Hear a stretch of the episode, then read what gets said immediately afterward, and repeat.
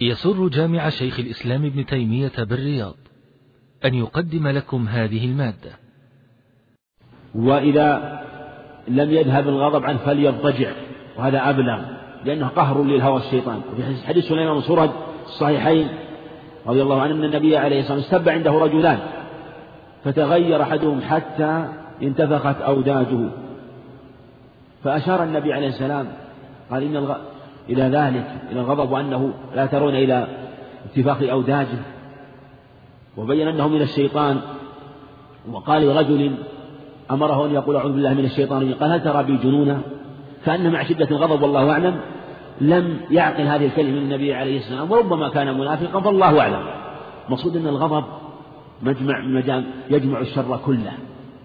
ولهذا يؤمر الإنسان في حال الفتنة أن يهدأ والساعي في الفتنة شر من الماشي والماشي شر من القائم والقائم شر من الجالس معنى أنه لا يسعى والغضب من أعظم طرق الفتن التي تحصل الشر له والإخوان ولهذا مصائب الغضب تقع للرجل مع أهله ومع أولاده ومع زملائه مصائب عظيمة. بل سمعنا وسمع غيركم من وقع وقعت تصل حد القتل ثم يؤول الأمر إلى أن يؤخذ ذلك ويقتص منه ثم يؤول الأمر إلى العداوة والبغضاء بين القرابات والأحياء والقبائل. وما أشبه ذلك وكل هذا من ثمرة الغضب الذي هو أثر من آثار الشيطان. ولحديث عمر بن عطية السعدي عند أبي داود بسند فيه أنه أغضبه رجل فذهب وتوضأ وقال إن الغضب من الشيطان قال النبي إن الغضب من الشيطان والشيطان خلق من نار والنار تطفأ بالماء. فأراد يطفئ غضبه بالماء. ولا شك أن الوضوء حسن لأن الغضب من الشيطان والشيطان يدفع أثره بالطاعات وأعظم الطاعات هو الوضوء الذي يبرد الجسم ويكون على هذه الأعضاء التي هي محل الانطلاق للشر والفساد فلهذا أمر به عند الغضب. يقول السائل يقول السائل يا شيخ هل يدخل في حديث معقل الذي مضى من مات وترك الدش الذي يبث القنوات الفضائية في بيته؟ لا شك أن نعلم أن هذه الدشوش فيها من المصائب الشيء الكثير. والنبي عليه الصلاة والسلام قال يموت وهو يوم يموت وهو غاش لرعيته. إلا حرم الله عليه الجنة. ف والغش عام. الغش عام. في عدم النصيحة. ولهذا نعلم أن النصح ضد الغش. والنصيحة واجبة. الدين النصيحة. وإذا كانت النصيحة واجبة لأخيك المسلم ولو كان بعيدا عنك فأعظم النصيحة لإخوانك. وأعظم من ذلك النصيحة لبيتك. ومن ترك أولاده ولم يأمرهم ولن هذا من أعظم الغش. وإذا كان هذا غشا فإنه يدخل في عموم من الخبر. لكن دخوله تحقيقا الله أعلم. لكن يخشى يخشى. وإن كان هذا الحديث عند أهل العلم وارد في الإمامة الكبرى في الولاية الكبرى في الولاية الكبرى لكن قد يؤخذ من عمومه قد يؤخذ من عموم دخول الولايات الصغرى. الله أعلم. من جهة ذكر الغش. نعم. يقول السائل إذا قللت من الأعمال الصالحة أمام الناس. إذا قللت من الأعمال الصالحة أمام الناس. وأنا متعود على عمل على عملها خوفا من الرياء هل يجوز ذلك؟ لا ما ينبغي ترك العمل لأجل الناس مثل ما قال فضل بن وغيره. فأنت عملك لتعمل لا تتركه. ما دمت تعمل أنت في حال الخفاء فالحمد لله صلي في حال الجلوة. ولا توبى لو جاء هذا هذا من الشيطان. يقول الشيطان لا تصلي على الناس أن تصلي سنة الضحى. لا تصليها في العمل. لأنك مشاهدة زملائك يقولون هذا مرائي. الشيطان خبيث. يأتي يتشمم القلب. في فلا يقول, فلا يقول له فلا فلا يشغله مثلا بمعصية. ما يقول إن لا افعل كذا لا. يقول إنك حين تصلي تقع في الرياء فهو يوهم أنه ناصح والشيطان من أعظم العدو. إن الشيطان لكم عدو فاتخذوه عنه إنما يدعو حزبا يكون أصحاب السعير. فالواجب الحذر ولهذا مداخل الشيطان بحر لا ساحل له. ويجب العناية بهذا والحذر سد أبواب طرق الشيطان. ولهذا جاءك الشيطان قل كذبت عدو الله. كذبت غاش من أعظم الغششة وليس ناصحا. نعم. يقول السائل ما حكم الكذب مع علم الكاذب أن المكذوب عليه يعلم كذبا؟ هذا أقبح وأقبح لأنكم اتفقتم على المعصية. لأنه حينما تكذب أنت ويعلم الكاذب كنتما آثمان مجتمعان على المعصية والمعصية إذا اجتمع عليها رجلان أو شخصان كانت مجاهرة. ولا شك أن المجاهرة أقبح وأقبح فهذا مجاهر بمعنى أنه جاهر بالكذب أمام الناس. فهو يكذب ويعلم أن الناس يعلمون أنه كاذب. هذا مجاهرة. وكل أمتي يقول النبي عليه كل أمتي معافى إلا المجاهرين. فإذا جاهر بالكذب يقول لأن أعلم أن الناس يعلمون أني كاذب. هذا قبح. فلا يجوز. كذلك من يعصي ويقول أعلم الناس يعلمون هذا معصية. لكن لو علم عمل أمرا عند الناس يجهل معصية ربما كان أخف. لكن يعلم أن الناس يعلمون هذا معصية ولذلك لم يستحي لا من الله ولا من خلقه. هذا أقبح وأقبح نعم. يقول السائل أحسن الله إليكم ما صحة حديث أنا ثالث الشريكين ما لم يكن أحدهما صاحب؟ هذا الحديث رواه أبو داود وفيه ضعف. من في رجل مقبول كما قال الحافظ رحمه الله. كما قال الحافظ رحمه الله هو أنا تعرف الشريكين ما لم يخن أحدهما صاحبه ما لم يخن أحدهما صاحبه. وهذا المقبول حكم حكم المجهول حكم حكم المجهول. لكن معنى دل عليه حديث حكيم بن حزام في فضل الاجتماع والاشتراك لكن بهذا اللفظ لا يثبت. نعم. ابن حيان سعيد بن حيان والد يحيى بن سعيد وهو مقبول. نعم. وله بحي سعيد الأنصاري. نعم.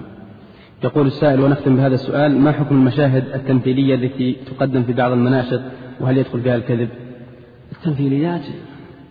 ما ما يتبين ما أقول ما أعرف الحكم فيها لكن فيها فيها ألف فيها بعض الإخوان وكتب فيها بعض الإخوان بإمكان طالب العلم أنه يراجع ما كتب فيها من كتابات المشايخ والإخوان الذين كتبوا فيها واعتنوا بها وفيها كلام حسن وبينوا شيئا من أحكامها وفيها تفصيل. إن قد لا يتيسر ذكره الآن من جهة لأن ما يقع ويقع بالتمثيل مختلف اختلاف عظيم. فلا يمكن إجابة بإجابة جملة لكن يمكن الاستعانة بما بهذه والرجوع إليها فيحسن الفائدة. أسأل سبحانه وتعالى لي ولكم التوفيق. وسلم من وكرم آمين. وصلى الله وسلم وبارك على نبينا محمد. السلام عليكم. السلام عليكم ورحمة الله وبركاته. بسم الله الرحمن الرحيم. الحمد لله رب العالمين. والصلاة والسلام على رسوله محمد وعلى آله وصحبه أجمعين. أما بعد وعن خولة الأنصارية رضي الله عنها قالت قال رسول الله صلى الله عليه وعلى آله وسلم إن رجالا يتخوضون في مال الله بغير حق فلهم النار يوم القيامة. أخرجه البخاري. الحمد لله رب العالمين والصلاة والسلام على نبينا محمد وعلى آله وأصحابه وأتباعه بإحسان إلى يوم الدين. حديث خول الأنصاري رضي الله عنها معناه واضح ومتفق على. على ما دل عليه من المعنى هو أن المال يجب العناية في صرفه في مصارفه الشرعية وهذا سواء كان المال خاص أو كان عام كلهم كل من له ولاية على مال فيجب عليه أن يعتني في صرف مصارفه الشرعية في صرفه في مصارف في مصارفه الشرعية. وأعظم الأموال هو بيت المال فيجب أن يجتهد في صرفه في مصاريفه الشرعية. وكذلك سائر الولايات الأخرى التي تكون فيها أموال فيجب أن تصرف في مصارفها الشرعية. والأموال العامة للمسلمين صيانتها وحفظها من ألزم الواجبات. وذلك أنها ملك عام لعموم المسلمين وتضييعها تضييع أموال لعموم المسلمين لأن عموم المسلمين لهم فيها حقوق. حقوق عموم المسلمين من المحتاجين هم أولى الناس بهذا. ولهذا إذا ضيعت وصرفت في غير مصاريها الشرعية ضاعت الحقوق. ولهذا كان من أعظم الأمانة التي يجب أداؤها إذا وكلت إليه الأمانة. ولهذا أخبر النبي عليه الصلاة والسلام أنه رجال يتخوضون في مال الله بغير حق. ثم ذكر فلهم النار يوم القيامة.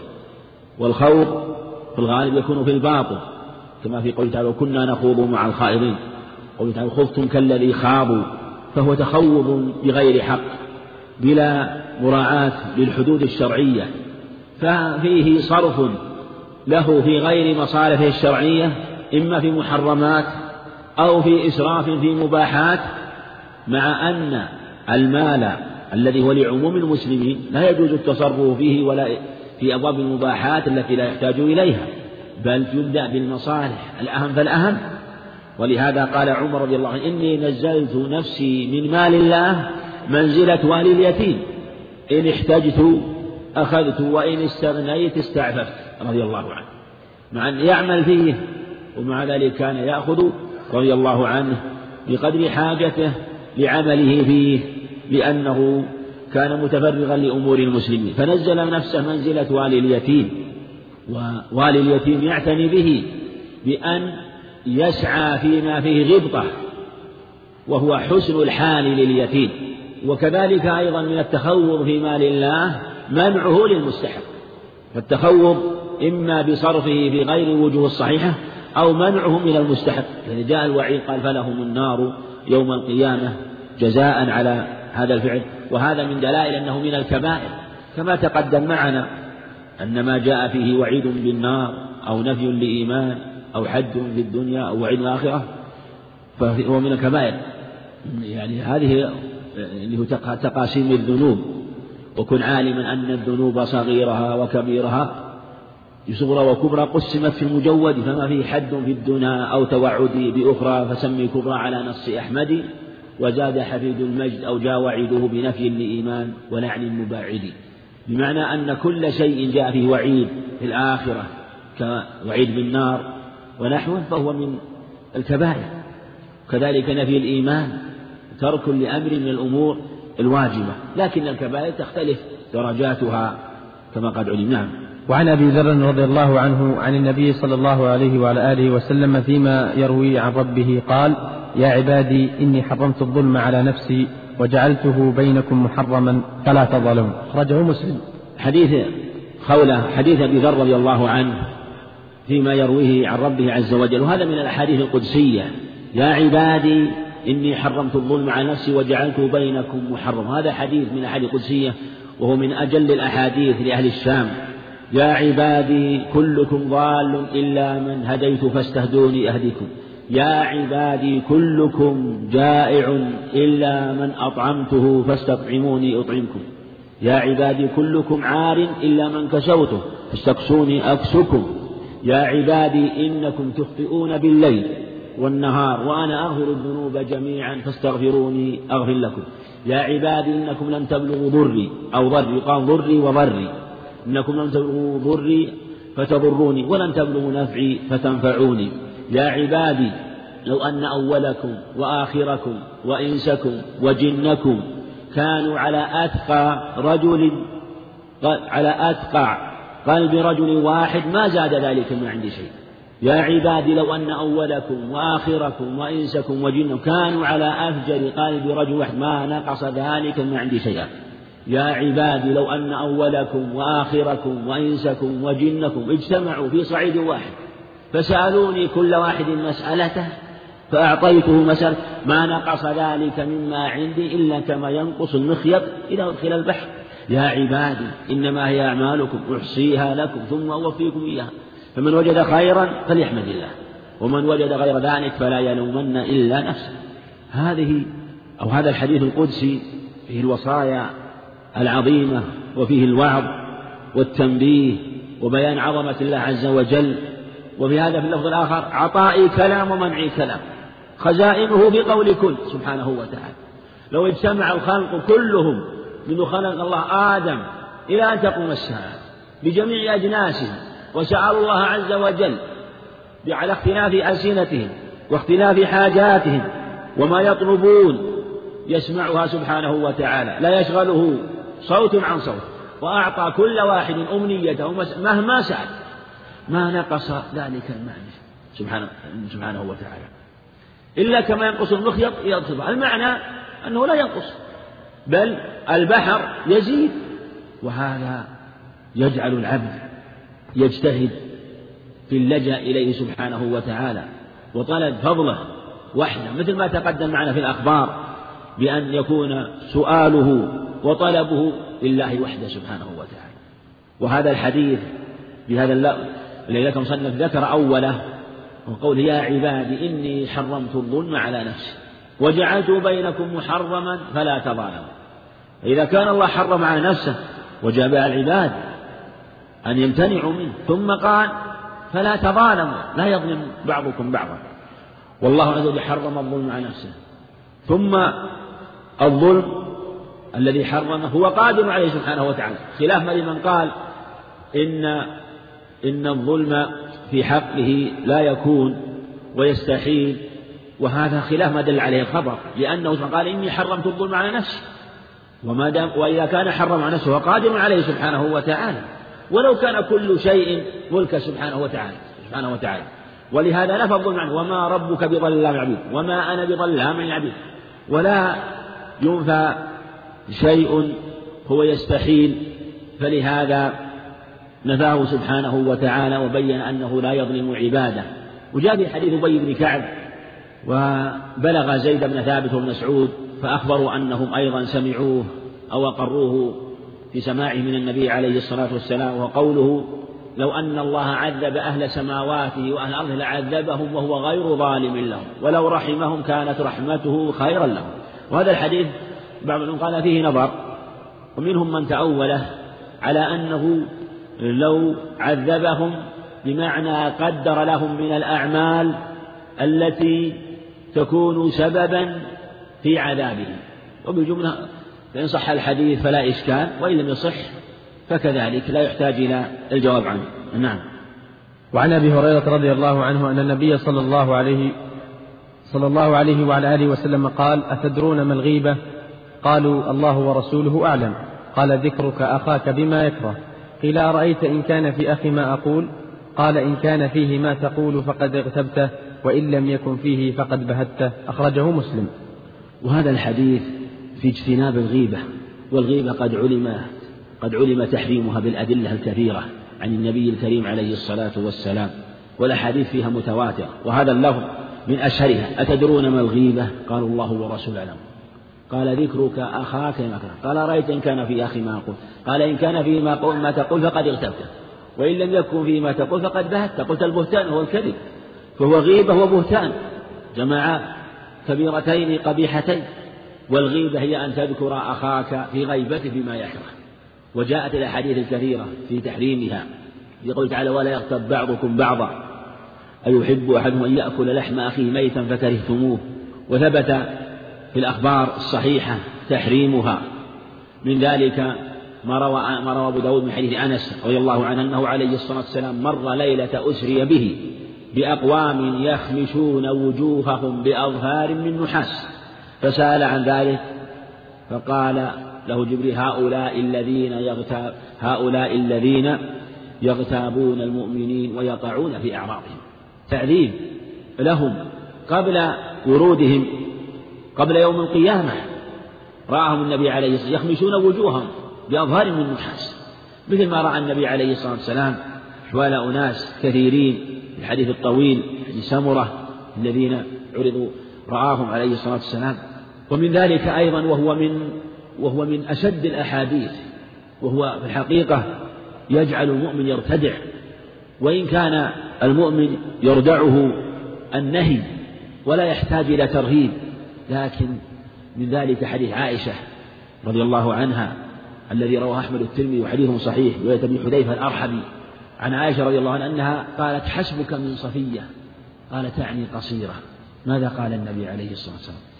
قال لقد قلت كلمة لو مزجت بماء البحر لمزجته حديث هذا أظن رواه أبو داود. نعم رواه أبو داود أو الترمذي وغير بعض أنه أبو داود. هو حديث صحيح. لو مزجت بماء البحر لمزجته قالت قصيرة. هذه الكلمة كم من يقولها لأخيه وكم من من تقولها لأختها. لكن هذا محمول إذا كانت قالتها على جهة العين. ولم يكن هنالك حاجة. أما إذا كان على جهة التعريف فقد نص العلماء على أنه إذا احتاج المعرف إلى أن يعرف فلا بأس من ذكر أن يقول فلان مثلا مثلا القصير فلان الطويل فلان الأعمش فلان الأعرج مثل ما جاء في كثير من كتب الأحاديث. وجاء عندهم ما هو أشد من هذا الأفقس وغير ذلك. ذكروا أشياء وهي من باب التعريف للرواة وإن كانوا يكرهون وكان سبيلا إلى التعيين. فإذا لم يحصل هذا السبيل التعيين إلا بذلك فإنه لا بأس بذلك. ولهذا ثبت في الصحيحين أنه عليه الصلاة والسلام قال حق ما يقول ذو اليدين وكانت يداه طويلتين على المشهور. وجاء أخبار في هذا المعنى واستثنى العلماء هذه المعاني ومن الأبيات المذكورة في هذا الباب في قولهم والقدح ليس بغيبة في ستة متظلم ومعرف ومحذر ولمظهر فسقا ومستفت ومن طلب الإعانة في إزالة منكر والقدح ليس بغيبة في ستة متظلم ومعرف ومحذر. ولمظهر فسقا ومستفت ومن طلب الإعانة في إزالة منكر وهذه كلها دلت عليها الأخبار إيه، إما أخبار نص وإما من جهة المعنى. والمقصود أنها جاءت الأخبار الكثيرة عنه عليه الصلاة والسلام في تحريم غيره. ومن ذلك ما رواه أبو داود عن سعيد بن زيد رضي الله عنه وسناده جيد وهو أيضا من الأحاديث التي فيها الترهيب غيره. إن أربى الربا أو أربى الربا الاستطالة في عرض المسلم بغير حق. شوف أربى الربا يعني حينما تقول تذكر الربا الربا المحرم ربا النقد ربا الفضل أو ربا النسي هذا أربى الربا أقبح من الربا. وهذا من أدلة استدل بها العلماء على أن الغيبة من الكبائر. وكذلك جاء عند أبي داود من طريق آخر بلفظ آخر إن أكبر الكبائر الاستضال أن من أكبر الكبائر. صرح الاستطالة في عرض المسلم بغير حق ومن الكبائر السبتان بالسبة. ومن كبائر السبتان بالسب. وهذا وإن كان رواه عمرو بن أبي سلمة عمرو بن أبي سلمة التنيسي عن زهير بن محمد بن المنذر الخراساني. وزهير محمد هذا أبو المنذر الخراساني من رجال الصحيح لكن رواية أهل الشام عنه ضعيفة. ورواية خاصة رواية عمرو بن أبي سلمة التنيسي من أضعف رواية. من قال أحمد رحمه الله إنها بواطيل لكن هو في الشواهد تقدم حيث سعيد بن زيد في هذا الباب. وأنه من أربى الربا. وجاءت في هذا المعنى أحاديث كثيرة. ولو أن الغيبة صارت لها رائحة وتكيفت برائحة وظهرت لها رائحة لما استطاع أحد أن يجلس بجانب إنسان يغتاب. من نتن ما يصدر من كلامه من رائحة منتنة. ولعل هذا هو السر والله أعلم في تشبيه الغيبة بمن يأكل من جسد أخيه وهو ميت. أيحب أحد أن يأكل لحم أخيه ميتا فكلمه كذلك ما رواه أبو داود في قصة ماعز رضي الله عنه حينما ذهب أو لما رجم رضي الله عنه ثم تكلم رجلان من الصحابة قال ألم ترى إلى هذا؟ لم يدع نفسه حتى رجم كما يرجم الكلب. والنبي يسمع عليه الصلاة والسلام وسكت. وهما قالا من باب التأسي والتحزن لحاله. لم يقصد شيء غير ذلك. فمر النبي عليه السلام في طريقه وهما معه بحمار ميت سائل بقدميه. قد انتفخ. وارتفعت قدماه ورجلاه وانتصبتا من شدة نتن الرائحة فوقف النبي على هذا الحمار صلوات الله وسلامه عنده. ثم دعا بهما. فقال كلا من هذا الحمار. كلا من هذا الحمار. قال يا رسول ومن يأكل من هذا الحمار؟ ومن يأكل من هذا الحمار؟ لكن أراد عليه السلام أن يظهر العبرة وجعل هذا ال... الذي ظهر له من جيفة هذا الحمار آية وعبرة لهما. قال ما نلتما من أخيكما أعظم أعظم من تناولكما من هذا الحمار الشاعب وهذا لأن هذا الحمار ميت يصدر من رائحة منتنة. ولهذا روى أحمد عن جابر رضي الله عنه أنه هبت ريح منتنة. قال النبي عليه الصلاة والسلام هذه رائحة الذين يغتابون المؤمنين أو ريح الذين يغتابون المؤمنين. يعني ريح كأنهم أجسادهم وما يصدر منهم كانت من هذه الرائحة. وهذه من الآيات التي يظهرها الله عز وجل لنبيه والعبر والدلالات تظهر. ومن رحمة الله سبحانه وتعالى لا يظهر هذه الآيات. ولو ظهرت وتبينت لما عاش الناس. ولهذا النبي قال لولا تمريغ قلوبكم لدعوت الله أن يسمعكم ما أسمع. يعني زي بن ثابت في لفظ آخر لولا ألا تدافنوا لدعوت الله أن يسمعكم ما أسمع حينما حادت به بغلته وكاد أن يسقط عليه الصلاة والسلام حين مر بأقبر أربعة أو خمسة أو ستة فحادت بغلته حتى كاد أن يسقط. ثم قال من دفنتم ها هنا؟ فأخبروا أن أو قال من سأل عن من هو قال قالوا قوم دفنوا في الإشراك. ثم قال إن هذه الأمة تبتلى في قبورها. ثم قال استعيذوا بالله من عذاب القبر. استعيذوا بالله من عذاب القبر. استعيذوا بالله من عذاب القبر. قالوا نعوذ بالله من عذاب القبر. نعوذ بالله من عذاب القبر. نعوذ بالله من عذاب القبر. قال استعيذوا من فتنة المسيح الدجال. قالوا نعوذ بالله من فتنة المسيح الدجال. نعوذ بالله من فتنة المسيح الدجال. نعوذ بالله من فتنة المسيح الدجال. ثم بين أن هذه الأمور تفتن في قبورها صلوات الله وسلامه عليه. لكن من رحمته سبحانه وتعالى أنه لم يظهر هذه الآيات للناس وإلا لم تنعوا عن دفن أمواتهم. وكذلك كثير من الآيات التي قد تظهر وربما ظهر بعضها عبرة ودلالة للناس في حياتهم حتى يكون ذكرى. من ذلك ما وقع في هذا الحديث من هذه الرائحة من هذه الريح المنتنة التي هي ريح الذين يغتابون المؤمنين. وهي من الكبائر على الصحيح. كالنميم لكن النميمة أقبح. النميمة أقبح وأشد لأن فيها إفساد والغيبة فيها ذكر وإن لم يكن فيها إفساد لكنها تؤول إلى الإفساد. تؤول إلى الإفساد. ثم يعلم أن من الغيبة أن من الغيبة كثير من الناس ربما يقع في الغيبة على سبيل الورع ويظهر على سبيل الزهد. والتورع يظهر للناس الترحم والتعطف. يقول فلان المسكين فلان حصل لك كذا. الله يعافينا فلان حصل لك كذا. نسأل الله العافية. نسأل الله السلام حصل لفلان كذا. والله يعلم ما في قلبه. مع ظاهر كلامه كأنه يريد دعاء له كأنه يريد له الخير. مع أنه ربما فرح بما وقع له فيه. ربما أراد أن يظهر وأن يشتفي بما في قلبه على ما في بلسانه. بكلمات يظهر منها أنه يريد له الخير مع أن حقيقة ما في قلبه هو الغيبة الغيبة له. ولهذا قال العلماء تكون باللسان وتكون بالإشارة وتكون بالقول. فلو أن إنسان ذكر عنده وجه فأدلع لسانه هذه غيبة. كذلك تقليده في مشيه غيبة. وفي حديث عائشة أيضا الصحيح اللي سبق حكيت له إنسانا وما يس قال النبي عليه الصلاة والسلام وفما وما يسرني أني حكيت إنسانا وأن لي كذا وكذا. ما يسرني أني حكيت إنسانا وأن لي كذا وكذا. يعني ما يحكيه بفعله. ما يجوز الحكي والمحاكاة معنى أنه تقليد. تقليد مشيته تقليده آه، بشيء من الأمور التي هو يكرهها. فهذه كلها من الغيبة المحرمة. نعم. نعم. نعم. هي هي مهمة. هي صحيح مهمة مثل ما ذكرت. هي مهمة لكن قد يستوفي الكلام الوقت فيها. لكن نذكرها على سبيل الإجمال أنه مثل ما مثل ما جاء متظلم. التظلم يأتي إنسان يقول فلان ظلمني فلان اعتدى علي. لا بأس أن يأتي للحاكم أن يأتي للقاضي. لا بأس أن يقول فلان ظلمني. وهذا وهذا واقع في عدة قصص. جاءت النبي عليه الصلاة والسلام في من يشتكي فلان اعتدى علي. وهذه وقعت في عدة قصة الزبير مع صاحبه وقصة آه، ذلك الأنصاري مع آه، سمرة بن جندب وقصص وبعضها قد تكون في حضرة الخصم وبعضها قد تكون في غيبته.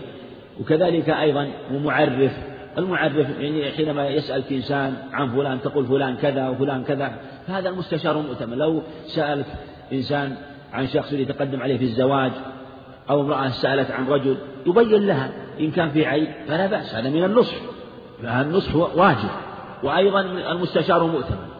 أيضا ثبت الحديث الصحيح الصحيحين أن النبي عليه الصلاة والسلام لما استشارته في معاوية وأبا جهم وأسامة قال أما أبو الجهم فرجل ضراب للنساء وفي لفظ لا وفي لفظ لا يضع عصاه عن عاتقه اختلف هل المراد به السفر أو المراد به كما في الأخرى أنه ضراب للنساء؟ وأما معاوية فصعلوا كل ما له وهذا كان في أول الأمر قبل أن يعني حياته عليه الصلاة والسلام. انكحي أسامة. فقال عليه الصلاة والسلام هذا هذا. كذلك ومحذري المحذر يحذر من الشر يحذر من الفتن.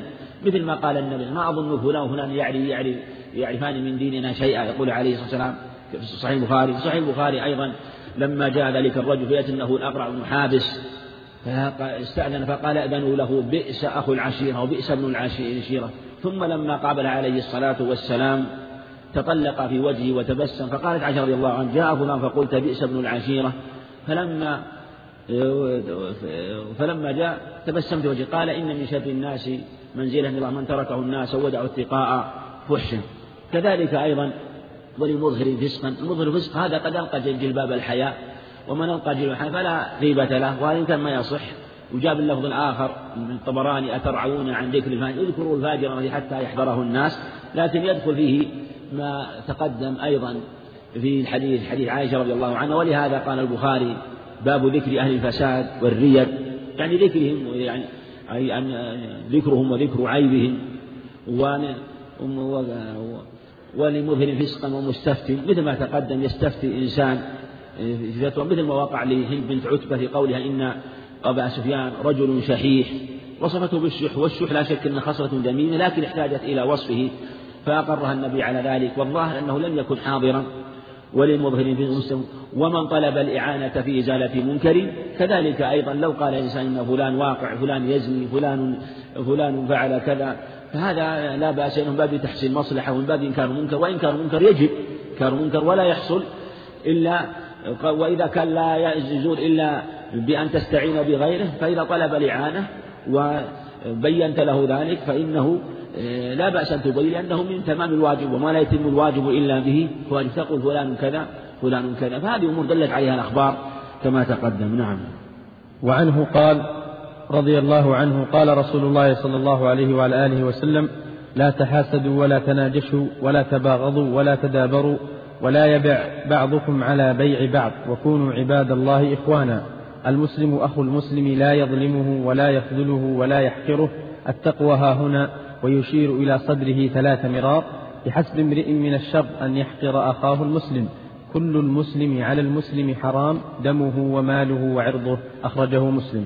وهذا الحديث تقدم الإشارة إليه قوله في ذكر الحسن في حديث ثبت مع حديث ابن عمر في الصحيحين ومن حديث أيضا جاء معنا من حديث أنس وجاء في حديث حديث أخر. ومن من الأحاديث وردت في هذا الباب حديث الزبير العوام رواه أحمد الترمذي دب إليكم داء الأمم الحسد والبغضاء. الحالقة لا أقول تحلق الشعر بل تحلق الدين. وضد ذلك الإصلاح ضد ذلك الإصلاح. كما في حديث أبي الدرداء وعند أحمد الترمذي وحديث لا بأس به أنه عليه الصلاة والسلام قال ألا أدلكم أو على أخبركم بأفضل من درجة الصلاة من درجة الصلاة والصيام والصدقة؟ قالوا بلى يا رسول الله. قال إصلاح ذات البين فإن فساد ذات البين الحالقة وهذا أيضا في إشارة إلى فساد ذات البين بالحسد والبغض لا تحاسدوا ولا تباغضوا ولا تدابروا ولا يبيع بعضكم عن بعض كونوا عباد الله إخوانا المسلم أخو المسلم. كل المسلم أخو لا يظلمه ولا يحقره ولا يسلمه. التقوى ها هنا ويشير إلى صدره. بحسب من الشر أن يحقر أخاه المسلم. كل المسلم مسلم دمه وماله وعرضه. وهذه المعاني كلها متفق على النهي عنها. ولهذا قال ولا يبيع بعضكم على بعض على بيع بعض لأنه مما يسبب فساد القلوب وبيع البعض على بيع بعض محرم. وصورته أن تعرض على إنسان إليه يشتري سلعة أراد أن يشتري سلعة مثلا بمئة ريال من البائع فتقول أنا أبيعك أحسن منها بقيمتها أو أبيعك مثلها بأقل منها بخمسين ريال. هذا لا يجوز بيع على البيع. كذلك السوم على السوم كذلك الشراء على الشراء. رضي مسلم لا يسم أحدكم على سوم أخيه. والبيع له تفصيل إن كان في حال مزايدة هذا لا بأس. لو أن إنسان آه، يعرض شيء ويحرج عليه فلا بأس من من أن يشتري على شراء أخيه إذا كان على لأن لا ليس بشراء على لأنه سوء. إلا وكذلك إذا كان بينهما شيء من المراوضة بلا ركون. مثل يجادله في السعر أريدها بكذا أو بكذا وأراد أن يبيع عليه قبل الركون هذا لا بأس به. وإن كان بعد الركون مثل يقول سوف أنظر هذا لا يجوز. كذلك من باب أولى إذا كان بعد تمام البيع في حال الخيار. ففي في صورتين لا يجوز في صورتين لا بأس به. وصورة ثالثة أيضا لا يجوز وهو بعد انتهاء البيع حتى بعد خيار المجلس على الصحيح. لو إنسان اشترى سيارة وتم البيع تم البيع وتم كل شيء. ثم علمت أن فلان اشترى سيارة. ثم ذهبت ذهبت تقول أنا أريد أن أبيع سيارتي. ورحت تعرض علي سيارة تعلم أنه قد اشترى السيارة. هذا لا يجوز. إلا إذا علمت أنه بحاجة إلى سيارة ثانية. أما كونك تذهب إليه وتريد أن تبيع السيارة أو هذا الطعام أو هذا الكتاب أو هذه الآلة وقد اشتراها تريد بذلك أن يشتري منك فإنه قد يكون سبب لادعائه بجران البيع. فقد يرغب في سلعك إما لكون الثمن أقل ويظن أن فلان غبن أو لسبب من أسباب كون هذه السلعة أفضل. فربما ادعى أن فيه عيب وربما ذهب إلى البائع الأول وألح عليه وطلب من فسخ البيع.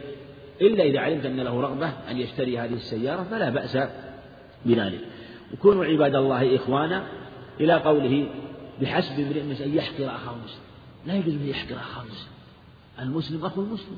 ولهذا كلكم آدم. وآدم من تراب. وجاء في البيان في حديث آخر أن المفاخرة والذي يفاخر كالجعل الذي يدهده الخرى ويدربيه وأن هذا إشارة إلى نتن وفساد وقبح هذا الفعل كلكم لآدم وآدم من تراب. وأن الفضل بالتقوى وأن هذه الأنساب والجاه والمناصب ليست مسبة على أحد وليست بشباب على أحد. إنما الفضل بالدين والإيمان. كما قال النبي عليه الصلاة والسلام إن أنسابكم هذه ليست بسباب على أحد. كلكم بنو آدم. طف الصاع لم تملأه. لا فضل لأحد على أحد إلا بدين وتقوى. بحسب امرئ من الشر أن يح أو بحسب الرجل أو امرئ من الشر أن يحقر أخاه المسلم.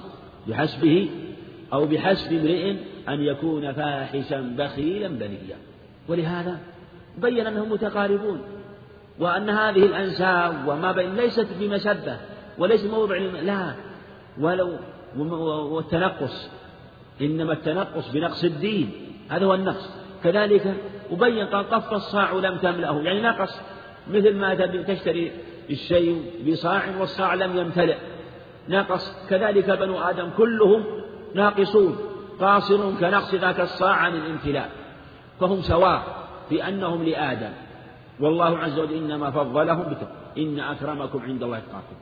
وقال النبي عليه السلام صحيح بين أن أكرمهم أتقاهم.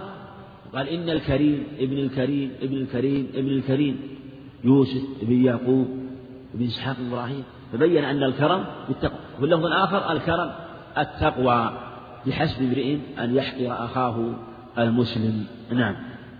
وعن قطبة بن مالك رضي الله عنه قال كان رسول الله صلى الله عليه وعلى آله وسلم يقول اللهم جنبني منكرات الأخلاق والأعمال والأهواء والأدواء. أخرجه الترمذي والصحاح الحاكم واللفظ له. وحديث هذا قطبة بن مالك رواه الترمذي ولاد سفيان بن وكيع وهو فيه ضعف لكن روى الحاكم من طريق وروى ابن حبان من طريق آخر صحيح. وفيه التعوذ من منكرات الأخلاق. وهذه الإضافة يعني إضافة تقييد ليست إضافة ليست كاشفة إضافة مقيدة لأن الأخلاق قد تكون منكرة وقد تكون حسنة ومنكرات الأخلاق والأعمال كذلك. آه، ليس إضافة من باب تقييد يعني الأخلاق المنكرة والأعمال المنكرة. والأهواء مختلف هل هو يعني إضافة يعني كاشفة أو وبيانية أي أو هي تقييدية؟ على حسب وهل الأهواء لا تكون إلا شرا أو أنها تكون مباحة كم؟ لكن في الغالب أن الهوى إذا أطلق يكون في الأمور التي ليست بحسنة. وبالجملة منكرات الأخلاق والأعمال والأهواء مما ينبغي التعوذ منها. كذلك في والأدواء والأسواء في اللفظ الآخر. وهنا في الأدواء وهو سيء الأدواء. والإنسان يتعوذ من المنكرات عموما ومن منكرات الأخلاق والأعمال خصوصا وكذلك من منكر من من سيء الأسقام ومن منكرات الأسقام لأن هذه الأعمال تصرفه عن الأعمال الصالحة وإذا اتصف بها كان بذيا في قوله بذيا في عمله مبغضا عند الله وعند خلقه. نعم. وعن ابن عباس رضي الله عنهما قال قال رسول الله صلى الله عليه وعلى آله وسلم لا لا تماري أخاك ولا تمازح ولا تعده موعدا فتخلف أخرجه الترمذي بسند فيه ضعف. والحديث ضعيف لأنه ولد ليث بن أبي سليم بن زنيم الليث وليث مشهور بالضعف لكن ما دل عليه من المعنى وهو المماراة لا تماري أخاك النهي عن المماراة كذلك لأنها تفضي إلى الجدال إلى تفضي إلى إلى النزاع. تفضي إلى النزاع. وهي المماراة التي لا يحصل منها مصلحة ولا فائدة بل جادل بالتي يحسن ويكون البحث بالتي يحسن. أما إذا انتهى الأمر إلى المماراة فالمماراة تورث النزاع وربما تورث الحقد والبغضاء. ولهذا قال عليه السلام في عدة أخبار حديث مراء في القرآن كفر لأن كل إنسان يقصد الغلبة لم يقصد الحق وهذا منهي عنه ولا يجوز. وإذا كان المراء في أحكام الشريعة كان أمر أشد وكذلك المراء عموما لا يماري أخاه لأن المقصود من الكلام المصلحة. ولهذا يقول النبي عليه عليه الصلاة والسلام من كان يؤمن بالله واليوم الآخر فليقل خيرا أو ليصمت. فإذا لم يظهر الخير فالصمت هو الأولى وربما كان واجبا. كذلك المزح والممازحة. المراد المزح الذي يورث العداوة. وأول العداوة مبدأها المزح. وهذا المزح الذي يكون فيه تعدي أو كثرة أو مبالغة. أما المزح اليسير فلا بأس. فقد مزح النبي مازح النبي أصحابه عليه السلام. والصحابة لما كانوا يمازحون يمازح بعضهم بعض. ويقال المزاح والمزاح وهو الدعابة ويكون اللين في القول واللطف فيه وإيراد بعض الأقوال التي يحصل بها إناس النفس. وكان أهل العلم ربما مازحوا والمازحة التي يحصل بها إيناس ويحصل بها نشاط وكانوا في مدارس في مجالس العلم إذا تيسر ذلك وصار وقته مناسبا ربما أوردوا بعض الحكايات يسمونها الإحماض. أحمضوا لنا وابن عباس رضي الله عنهما كان إذا تكلم على في تكلم وحدث ثم يقول أحمضوا لنا. يعني يأخذون في الأحاديث التي يكون فيها شيء من ترويح عن النفس بعد جدها واجتهادها مثل مثل ما تأخذ ترعى الإبل الحمض حينما ترعى وتكثر من الرعي فترعى ما يكون سببا في تسهيل ما أكلته. فكذلك أيضا هذه الإحماض يكون سببا في تيسير الفوائد لكنه لا يكون كثيرا ويجعل الإنسان وقته كله مزح لعب مثل ما قيل. كالذي يرقص مع الزنود ويقول إن, إن عائشة رضي الله عنها جعلت ترى الحبشة يرقصون. وهذا لا شك أنه من آه، القول باطل ومثل من ينقر صلاته فيقول إن النبي عليه الصلاة والسلام كان يخفف. وهذا من القول الباطل ومن الشبهات بل من الضلالات. والنبي كان يمازح في أخبار كثيرة عنه عليه الصلاة والسلام. مازح أصحابه في عدة أخبار صحيحة. وجاء في قصة زاهر بن حرام حين مازحه وأمسكه من من خلفه عليه الصلاة والسلام وكان يحبه وحديث رواه الإمام أحمد بإسناد صحيح بل إسناد على شرط الشيخين رواه عبد الرزاق عن معمر عن ثابت عن أنس وهذا إسناد على شرط على شرط مسلم أو على شرطهما. وفيه أنه أمسكه من خلفه وكان يحبه عليه الصلاة والسلام وقال من يشتري مني العبد؟ وهو كان يبيع في السوق. قال إذا تجدني وهو لا بل جاء وأمسكه ثم قال أرسلني من هذا؟ أرسلني لم يعلم منه النبي عليه الصلاة والسلام فالتفت فإذا النبي عليه الصلاة والسلام فلم يألو أن يلصق ظهره بصدر النبي عليه الصلاة والسلام. ثم جعل يقول من يشتري مني العبد من يشتري مني؟ قال تجد كاسدا يا رسول. قال إنك لست عند الله بكاس إنك عند الله غال. قول من يشتري من عبد باب التورية. وكلنا عبيد الله عز وجل إن كل ما في السماوات إلا آتي الرحمن عبدا. وهكذا في عدة أخبار. قال إن حاملوك على ولد الناقة. قال وكيف أصنع ولد الناقة؟ قالوا هل تريد الإبل إلا النوق. وجاء في أخبار في بعضها ضعف لكن في زوجك الذي في عينيه بياض ومن طريق بارك فضائله ضعيف. لكن الأحاديث والشواهد في هذا كثيرة عنه عليه الصلاة والسلام. لكنه يكون آه، بقلة ويكون أيضا باعتدال ولا يكون فيه شدة وغيظة. مما يفضي إلى العداوة والبغضاء. كذلك أيضا لا يجوز أن تعد أخاك موعدا لا تعد موعدا فتخلفه. وهذا من الأدلة التي يدل بها على وجوب الوفاء بالوعد. وهذا قول عمر بن العزيز وجماعة من أهل العلم تقدم الإشارة إلى هذا. نعم. وعن أبي سعيد الخدري رضي الله عنه قال قال رسول الله صلى الله عليه وعلى آله وسلم خصلتان لا يجتمعان في مؤمن البخل وسوء الخلق. أخرجه الترمذي وفي سنده ضعف. لأنه من طريق صدقة موسى الدقيقي وفيه ضعف. وهذا الخبر في خصلتان لا يجتمعان البخل وسوء الخلق تقدم البخل وأنه الإمساك وكذلك سوء الخلق وسوء الخلق يفسد الأعمال ويفسد الأحوال. لا وهذا ولهذا لا تجتمعان في مؤمن. ولهذا المنافق بضد هذا. اللفظ الآخر خصلتان لا تجتمعان هنا. حسن سمت وفقه في دين. كذلك هاتان خصلتان لا يجتمعان في مؤمن.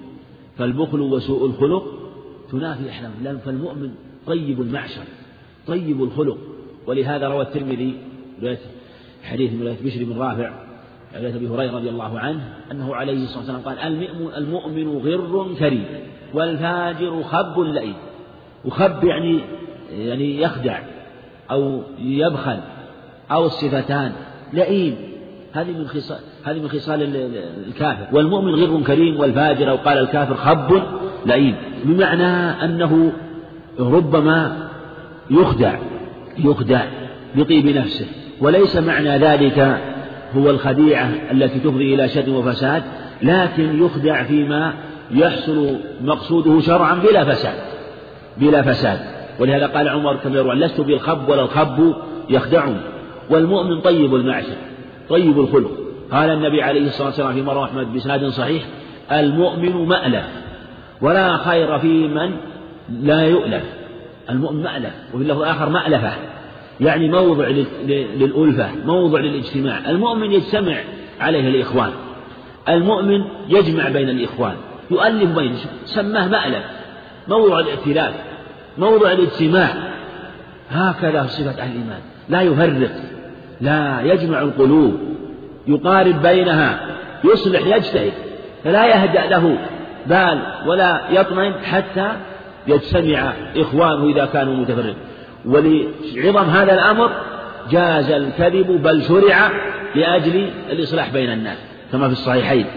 ليس الكذاب الذي يقول خيرا أو ينمي خيرا فأمر بالكذب. وفي حديث أسماء ولم أسمعه يرخص الكذب إلا في ثلاث في الحرب وفي حديث الرجل زوجته والمرأة زوجها وبالإصلاح بين الناس بعظم الأمر في التأليف والجمع. نعم. وعن أبي هريرة رضي الله عنه قال قال رسول الله صلى الله عليه وعلى آله وسلم المستبان ما قال فعل البادئ ما لم يعتد المظلوم. أخرجه مسلم. نعم. حديث المستبان ما قال فعل البادئ. عند أبي داود زيادة منهما. ما لم يعتد المظلوم. المستبان يعني يسب هذا هذا. والسب حرام لا يجوز. ولهذا قال ما قال يعني إثم ما قال. يوضحه اللفظ الآخر عند أحمد من حديث عياض بن حمار. إثم المستبين ما قال فعلى على البادي منهما ما لم يعتدي المظلوم. صرح بالإثم. وفي اللفظ الآخر عند أحمد بسناد صحيح عياض بن حمار المجاشعي رضي الله عنه المستبان شيطانان يتهاتران ويتكاذبان. مستبان شيطانان.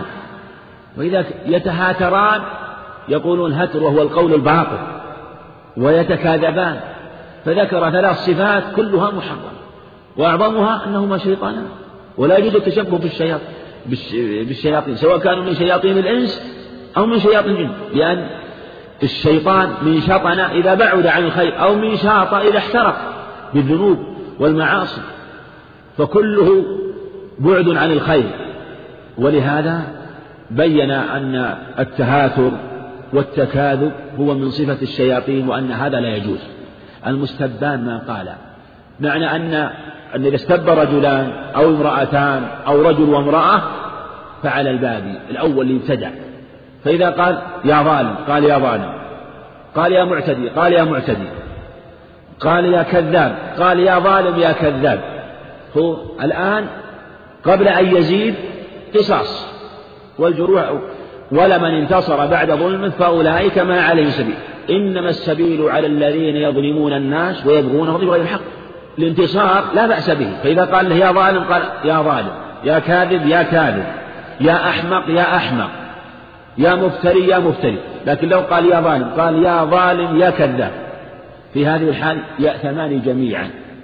ولقال ما لم يعتد المظلوم لأنه زاد. ولقال السبتان بالسبة ربا أو من الكبائر. كما الحديث المتقدم. فلا تجوز سب لا يجوز أن يسبه سبتين بسبة. إذا سبه سبة يسبه سبة واحدة. يرد عليه. بمثلها. لا يزيد.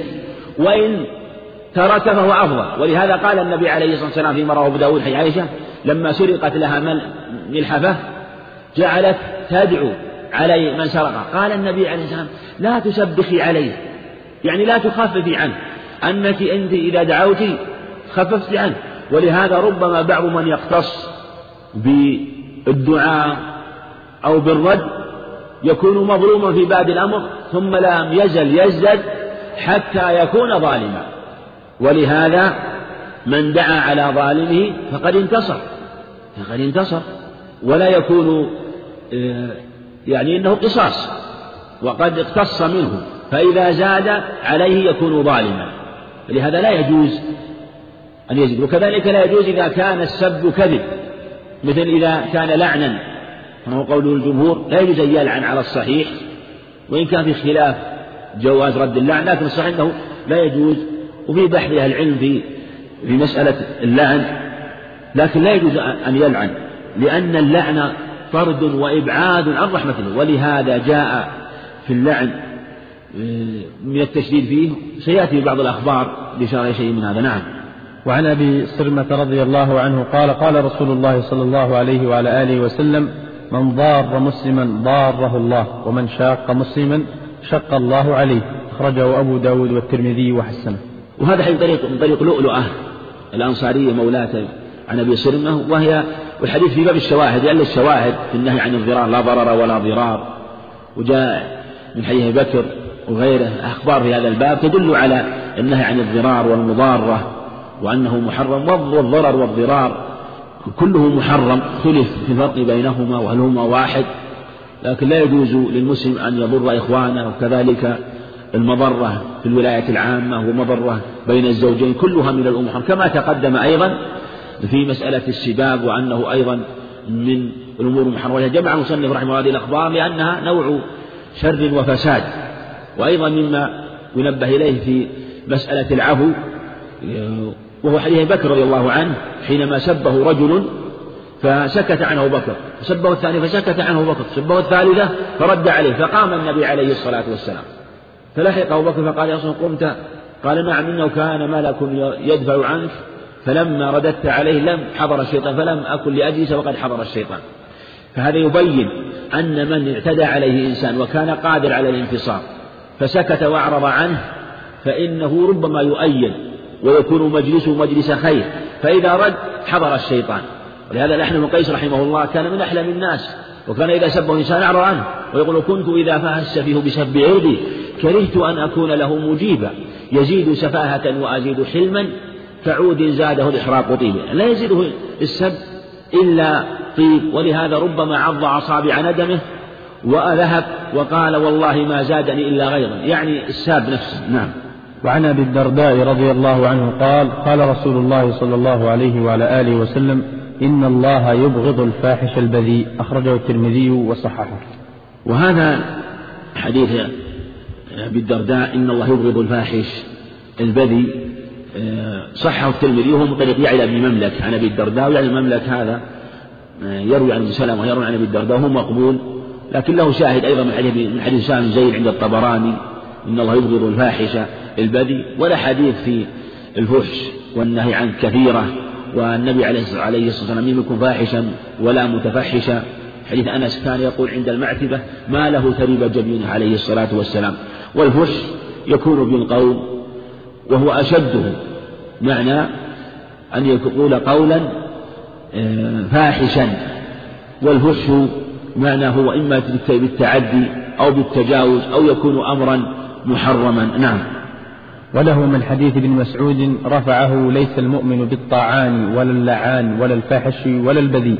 وحسنه وصححه الحاكم ورجح الدار قطني وقفه وهو لا بأس بالرواية من رواية الأعمش عن إبراهيم عن علقمة والأعمش وإن كان مدلس لكن يرى جمع من أهل العلم كالذهبي وجماعة أن رواية الأعمش عن إبراهيم عن الجادة وهذا سند عظيم يأتي بأحاديث كثيرة.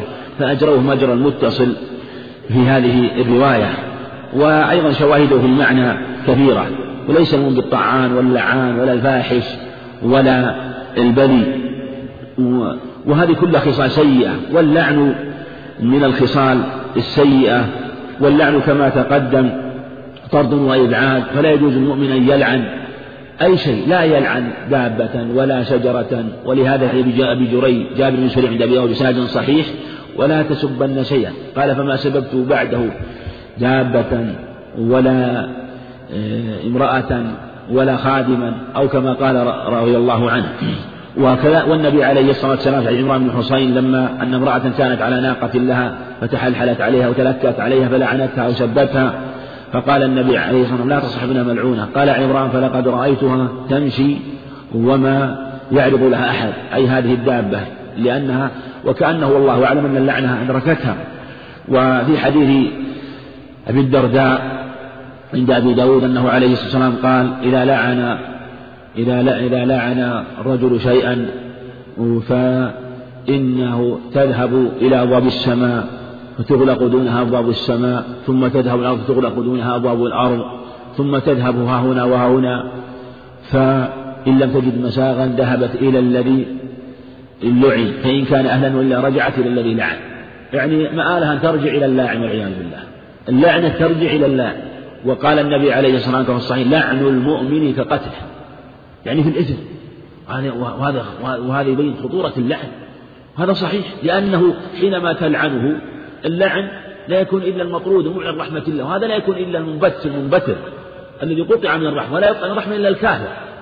والكافر إن كان مسلما فحقه القتل. كأن هذا والله أعلم هو السر أنك كقتل كأنه حكم عليه بأنه مرتد لأنه قطعه من رحمة الله ولا يقطع من رحمة الله قطعا تاما إلا من كان كافرا مرتدا إلا من كان كافرا. فإن كان من أهل الإسلام فكفر طارئ فيكون مستحقا للقتل. وإن كان آه، كافرا أصليا فهو بالأصل كافر. يستحق القتل بالجهاد إلا أن يسلم أو يؤدي الجزية إن كان من أهل الجزية. فلهذا قال لعن المؤمن كقتله وفي حديث حديث مسعود هذا المعنى وفي حديث ابن عباس أيضا عند أبي داود أن رجل لعن الريح نازعته في رداء فلعنها. فقال لا تلعنها فإنها مأمورة وإن من لعن شيئا ليس له رجعت على الذي لعن. ترجع على نفس اللاعن الذي لعن. وقال النبي عليه الصلاة والسلام كما رواه مسلم لا ينبغي لصديق أن يكون لعانا وروى أبو الدرداء كما عند مسلم أنه عليه الصلاة والسلام قال لا يكون اللعانون شفعاء ولا شهداء يوم القيامة. وقال عليه الصلاة والسلام في رواية وغيره لا تلاعنوا بلعنة الله ولا بغضبه ولا بالنار. كلها أمور محرمة لا يجوز التلاعن بها ولا يجوز الدعاء بها بل الدعاء لا يجوز أن تدعو على أخيك المسلم. كلها من الأمور المحرمة فالواجب أن يكون طيب القول طيب العمل. نعم. نقف على حديث. وعن عائشة رضي الله عنها قالت قال رسول الله صلى الله عليه وعلى آله وسلم لا تسبوا الأموات فإنهم قد أفضوا إلى ما قدموا. أخرجه البخاري. وهذا الحديث النهي عن سب الأموات. لا تسبوا الأموات فإنهم قد أفضوا إلى ما قدموا. فلا يجوز سب الأموات. ظاهر النص العموم سواء كانوا كفارا أو فساقا أو من المحافظين من عموم المسلمين.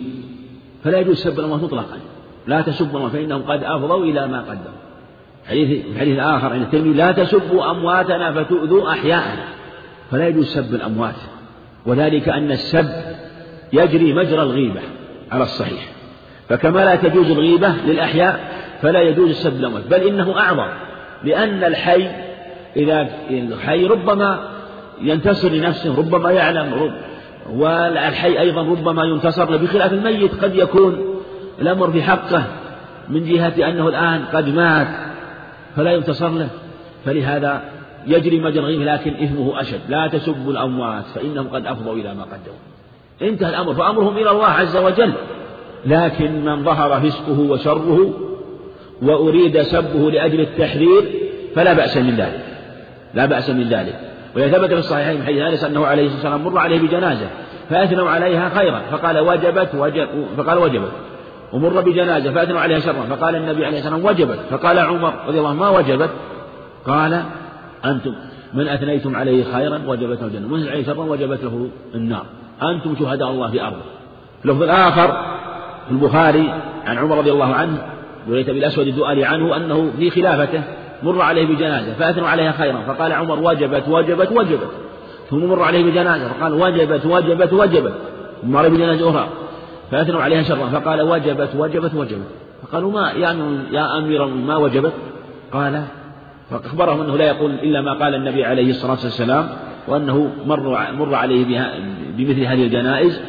ثم قال ما من مسلم يشهد له أربعة من الناس أنه لا يعلم إلا خيرا إلا قبل الله شهادته قلنا واثنين قلنا وثلاثة قال وثلاثة قلنا واثنين قال واثنين. ثم لم نسأله عن الواحد وعند أحمد بإسناد صحيح ما من مسلم يشهد له أربعة من جيرانه الأدنين أنهم لا يعلمون خيرا إلا قال الله قبلت شهادتكم فيه وغفرت له ما لا تعلمون. وفي حديث عند ابن ماجه وحسنه بعضهم أنه عليه الصلاة والسلام قال يوشك أن تعرفوا أهل الجنة من أهل النار. قالوا بما يا رسول الله؟ قال بالثناء الحسن وبالثناء السيء. ولهذا من اشتهر بالثناء الحسن دلالة الخير. حتى قال جم من أهل العلم كأبي ثور إن أحمد من أهل الجنة. شهد له للثناء عليه على مر العصور وكر الدهور كذلك غيره من أهل العلم ممن اشتهر الثناء عليه وبقي ثناؤه. وهذا أحد القولين لأهل العلم في الشهادة بالجنة لمن ظهر الثناء. وإن كان المعروف في كلام العلم أنه لا يشهد بالثناء أنه لا يشهد بالجنة ولا بالنار إلا من شهده له الله ورسوله. فمن ملأ وفي اللفظ الآخر أنه يعني خير الناس من ملأ أسماعهم خيرا وشرهم من ملأهم من من الشر أو من ثناء من من الثناء بالشر شرا. وقال الثناء بالشر والثناء بالخير وقيل النثى بالشر والثناء بالخير. وقيل ملأ ابن أبي الدنيا الدنيا علما. فالملء بحسبه. فمعنى امتلأت أسماع الناس معنى هذا ظهر واشتهر حتى امتلأت الأسماع. فهذا المعنى كما تقدم ثابت في الأخبار لكنه يجري مجرى الغيبة فمن شهد له بالخير كذلك. كذلك من كان مشهودا له بالشر وهو ميت وأردنا أن نحذر منه فلا بأس من ذكره على سبيل التحذير. لا بأس أن يذكر إنسان مثلا ويحذر من كان ميت خشية الاغترار به ببدعة أو ضلالة أو يظن ناس أنه من الخير فيكون قصد والتحذير من عمله ومن طريقته. فهذا لا بأس به. والله أعلم. صلى الله وسلم على نبينا محمد. أحسن الله إليكم. هذا سائل يسأل عن حكم غيبة الشخص غير المكلف سواء طفل أو مجنون. يظهر والله أعلم أنه لا يجوز لكن ليس كغيبة المكلف.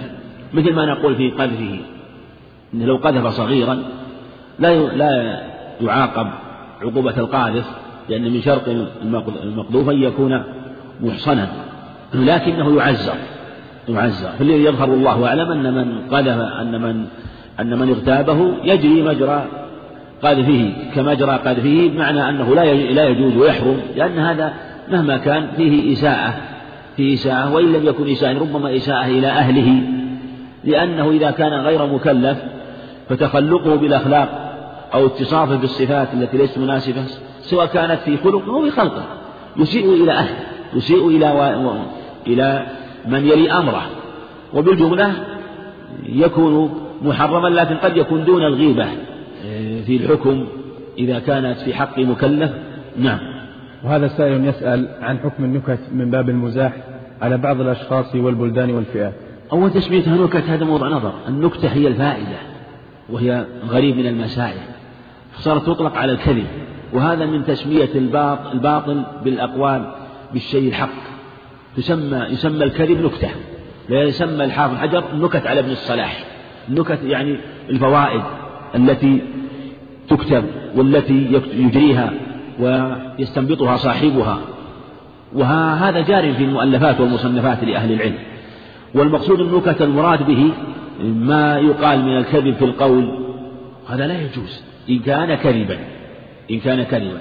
ولأن صح ثبت في الخبر عند أبي داود سيأتينا بإذن الله من حديث بهز بن حكيم عن أبيه عن جده وهذا سند حسن رواية بهز بن حكيم عن أبيه عن جده أنه عليه الصلاة والسلام ويل الذي يحدث فيكذب ليضحك به القوم ويل له ويل له والويل على الصحيح معناه يعني عذاب شديد له هذا هو المعنى الويل كلمة تشديد وتقريع وقال بعضهم إن ويل واد في جهنم لكن لا يصح حديث أبي سعيد رواه الترمذي بن حبان أنه عليه الصلاة والسلام قال ويل واد في جهنم. لا يثبت من الدراج عن أبي هيثم ولا يصح لكن لكنه قد يقال إن ويل من جملة هذا الوادي الذي ذكر في جهنم. لا أنه المراد به هو هذا الوادي فحسب ولهذا لا يجوز لأنه علقه بهذا الوعيد الشديد. ويل له ويل له. ذاك قال ويل. ثم قال ويل له ويل له. وهذا الكذب في القول.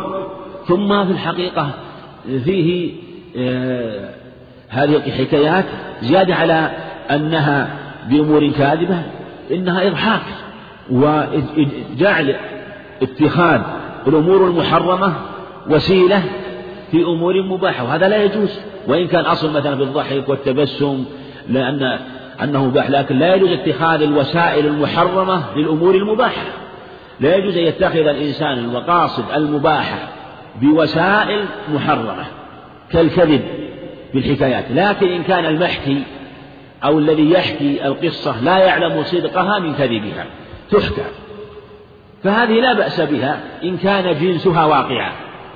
فإذا مثل ما نحكي مثلا بعض القصص والحكايات التي تقع في التاريخ وقد يكون بعضها من باب النوادر وبعضها من باب الدعاء المداعبات ويحكى كثير منها لا قد تكون ليست بصحيحة لكن لأنها حكيت وقد تكون ولا نعلم كذبها فالأحوال ثلاثة. حال نعلم صحته هذا لا بأس به بشرط أن يكون المحكي ليس محرما أو استهزاء أو غيبة. لا بد أن يسلم من هذه الأشياء. فإن كان حكاية مباحة لا محذور فيها وهي واقعة أو يغلب على ظن لا بأس. الحال الثاني يعلم أنها كذب وليست واقعة. هذا لا يجوز حكايته. الحال الثالث يعلم لا يجهل لا يدري هذا لا بأس بها. ولهذا قال النبي عليه الصلاة والسلام حدثوا عن بني إسرائيل ولا حرج. ومن الحديث عنهم العجائب والغرائب الواقعة. فأمر بالحديث وأخبر أنه ما يحكى عنهم من الحكايات فيه ما هو أعجب. وقد وروى أبو داود بإسناد جيد أنه عليه السلام كان يحدث عن بني إسرائيل بعد صلاة العشاء لا يقوم إلى عظم إلا إلى صلاة. هذا يبين أنه ربما حدثهم بعد صلاة العشاء ليلا طويلا عليه الصلاة والسلام. وهذه الحكاية التي لا تعلم كما تقدم أنها لا بأس بها إذا لم يعلم كما نبه ذلك ابن كثير وجماعة من أهل العلم. والله أعلم وصلى الله وسلم وبارك على نبينا محمد. بسم الله الرحمن الرحيم الحمد لله رب العالمين والصلاة والسلام على رسوله محمد وعلى آله وصحبه أجمعين. أما بعد قال المؤلف رحمه الله تعالى وعن وعن حذيفة رضي الله عنه قال قال رسول الله صلى الله عليه وعلى آله وسلم لا يدخل الجنة قتات. متفق عليه. الحمد لله رب العالمين الصلاة والسلام على نبينا محمد وعلى آله وأصحابه وأتباعه بإحسان إلى يوم الدين. أما بعد حديث حذيفة رضي الله عنه في التحذير من النميمة. وهاتان كبيرتان الغيبة وتقدمت والنميمة من أقبح الخصال. والنميمة أقبح منها لأنها مشتملة على الغيبة وهو الذكر. من هو غائب؟ سواء ذكره بشيء يتعلق بخلقه أو خلقه أو تكلم بكلام نقله عنه على جهة الإفساد بينه وبين غيره لأنه قد تجتمع الغيبة والنميمة. كمن يقول مثلا في رجل يذكر رجل بصفاته لزوجته إنه كذا وكذا فيغتابه ويفسد ما بينه وبين زوجته وما بينه وبين زوجته وهو بهذا جمع بين الغيبة والنميمة لكن الغيبة امتازت بالإفساد بالإفساد بين الأخوين والجماعتين والجارين وهو من نم الحديث وهو نقله على جهة الإفساد. واللفظ الآخر لا يدخل جنة نمام.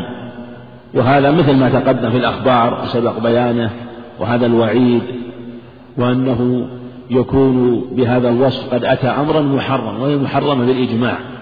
وهذا يدل على عظمة هذه الشريعة كما أشار إليه رحمه الله الصنعاني شارح البلوغ. فالنميمة مع أنها صدق حرمت. والكذب مع أنه خلاف الواقع جاز بل شرع في بعض الأحوال لأجل الإصلاح. انظر إلى قصد الشارع. كيف أجاز أجاز الكذب بل شرعه في بعض الأحوال لأجل الإصلاح. وحرم النميمة وهي صدق لأن فيها إفساد لأن فيها إفسادا وتفرقة بين المتحابين وذلك يبين لك ما تقصده الشريعة في التأليف والجمع وأنه من أعظم النعم. ولهذا تآلف القلوب واجتماعها دلالة الإسلام والسنة والخير دلالة الهدى والصلاح وهذا واقع. وإذا وجدت البغضاء فلا تكون إلا في التفريق في حقوق الله عز وجل وإلا لم تقع البغضاء ولا تقع حينما يحافظ على حقوق الله عز وجل. فالمقصود أن النميمة مفاسدها كثيرة ولا يستهان بها. وإذا رأيت وعلمت أن إنسانا نماما فلا يجوز نقل حديثا فلا يجوز لك أن تصدقه ويجب عليك أن تنكر عليه ولا يجوز لك أن تسيء الظن بمن نقل عنك واعلم أنه وإن كان صادق لكنه أعدى لك من الحية الرقبة وأعدى لك من أعدى الأعداء الذين ربما لا تعرف أو من نقل عنك الحديث والذي نقل إليك سوف ينقل عنك والذي يريد في زعمه أن يعطيك هذا الكلام ويبلغك هذا الكلام وكأنه كأنه يديك هدية فاعلم أنه عدو وأنه وإن تمسح بجلود الظأن لكن قلبه قلب ذئب وهذا واقع. وقد, وقد ذكر ابن مفلح رحمه الله في كتابه إما الفروع أو الآداب الشرعية ويغلب على ظني أن في الفروع رحمه الله قصة محصلها أن رجلا أراد أن يشتري مملوكا. فجاء إلى السوق يريد أن يشتري فوجد مملوكا معروضا للبيع فاستامه فقال له صاحبه الذي يبيعه وسأل عنه عن صفاته فأثنى عليه ومدحه في قوته وجده في العمل ونشاطه. قال لكن في خصلة واحدة. خصلة. قال ما هي؟ قال إنه نمام يحب النميمة. قال هذه نميمة أمرها سهل. أهم شيء يعمل ولا يتوانى. قال أبدا في العمل عن جماعة. فأخذه واستهان بأمر النميمة ويذكر رحمه الله أن زوجة ذلك الرجل الذي اشتراه بعدما جاء عنده البيت كان زوجها لا يميل إليها وربما رغب عنها. فقال لها ذاك النمام أن هذا المملوك تريدين أن أن يميل إليك وأن آه، تكون محبته لك في قلبه ولا يقدم عليك. في حبه أي شيء من أهله وأولاده. قالت نعم هذا الذي يسعى عليه. قال ائتيني بشعرات من حلقه فأنا أصنع لك شيئا أو تولة تحببك من هذا. وهو غافل لا يشعر وهو نائم. قالت نعم. وهذه المسكينة خدعت بهذا.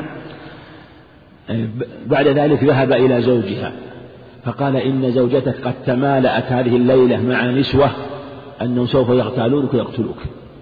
يعني سمع الكلام لم يصدق ولم يكذب. وقد تمالأت إما هذه الليلة أو التي بعدها. فجاء زوجها هذا بجوارها وجعل يتناوم أمامها. ينظر. زوجته ظنت أنه قد استغرق وقد نام. فجاءت بالموسى لأجل أن تأخذ شعرات بناء على وصية هذا المملوك. وهو يشاهدها وهي لا تشعر.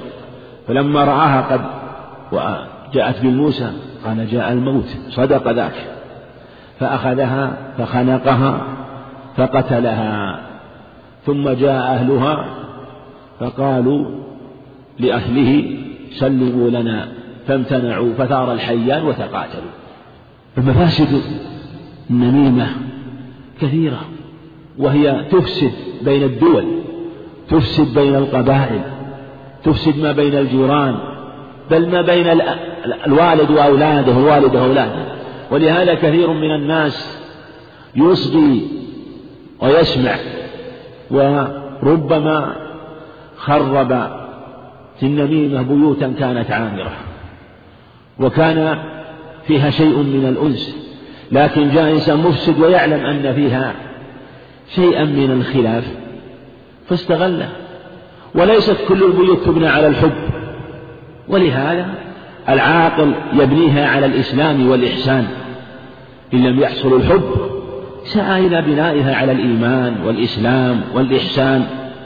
ومن أحسن النية وأخلصها فإن المحبة طريق قريب. لمن كانت نيته أن يبنيها على الإسلام والإحسان والمعروف والصلة كما يقول عمر رضي الله عنه. ولهذا شرع كما تقدم الكذب فيها إذا كان لقصد الإصلاح في الأمور المعروفة.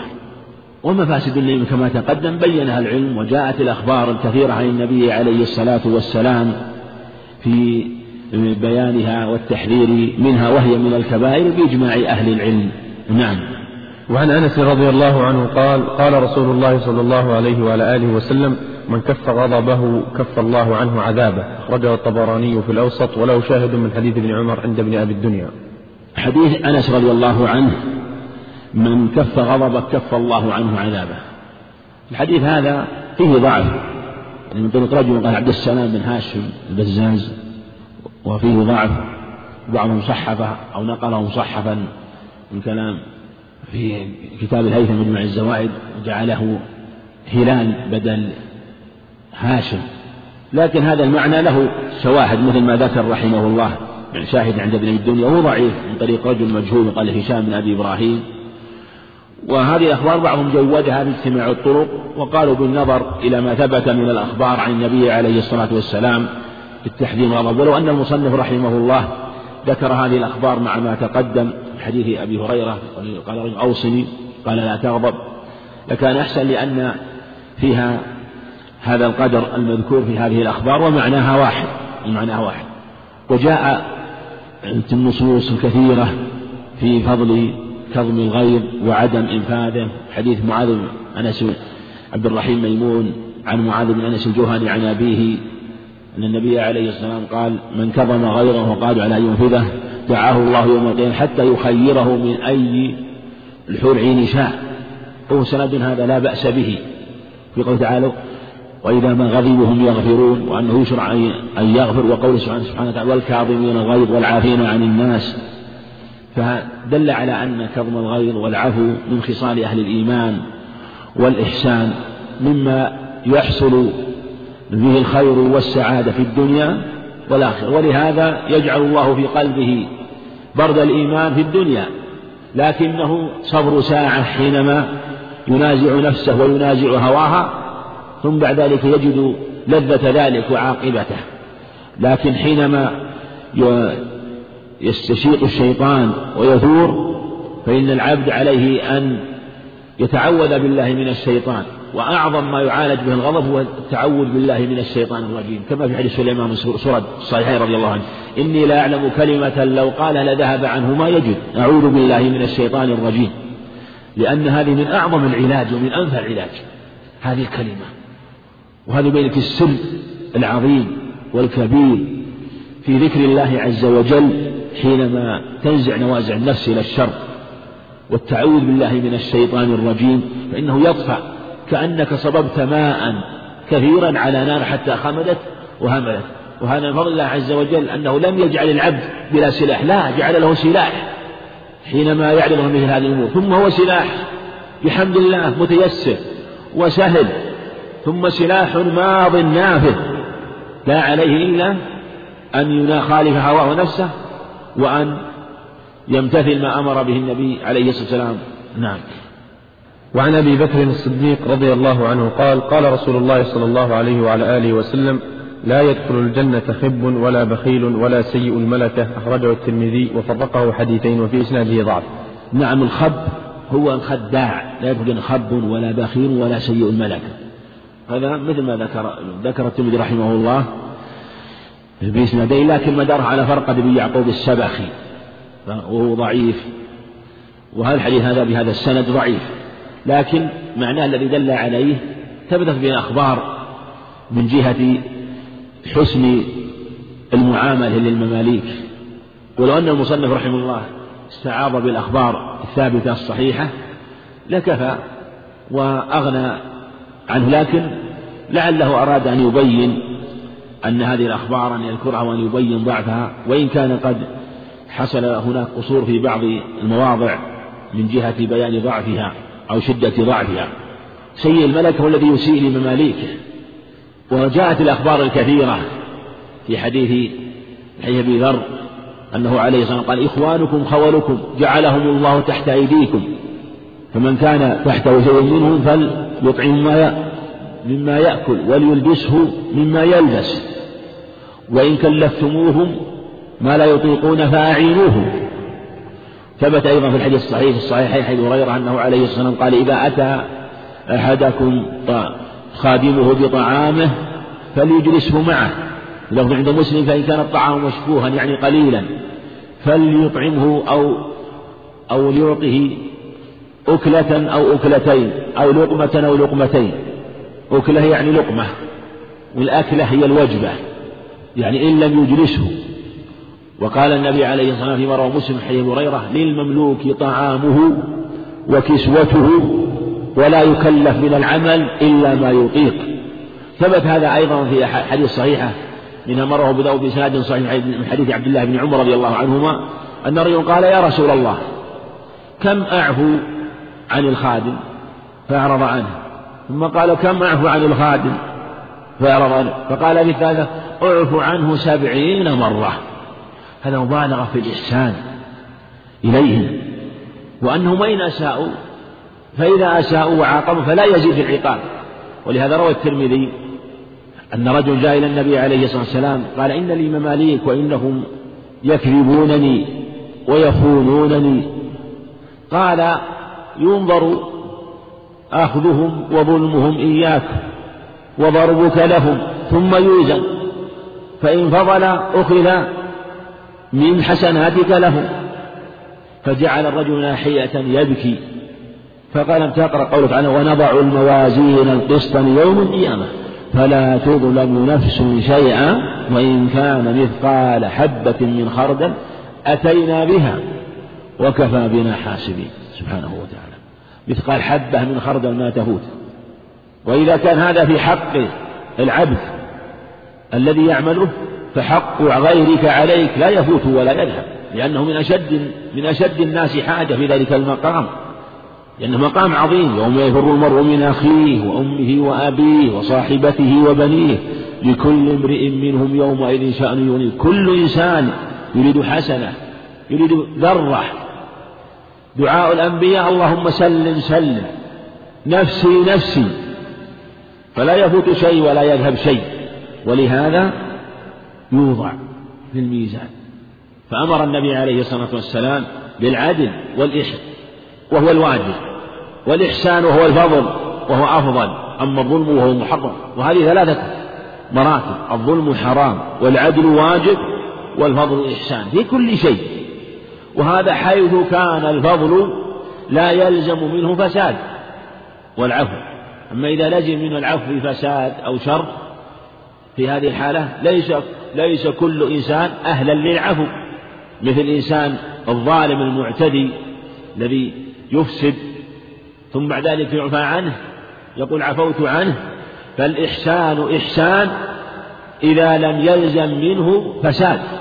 أما إذا لم يلزم منه فساد على المحسن أو على غيره فلا.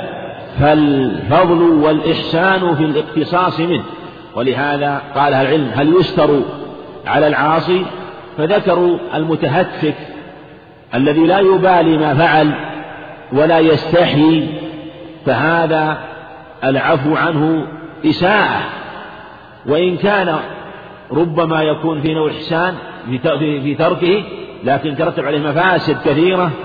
في تجرؤ غيره من الظلمة على هذه المحارم ولهذا ربما يشتد في عقوبته. ولو في حق من حقوق الله عز وجل. ولو في حق من حقوق الله عز وجل. يعني إذا كان يترتب عليه شر وفساد.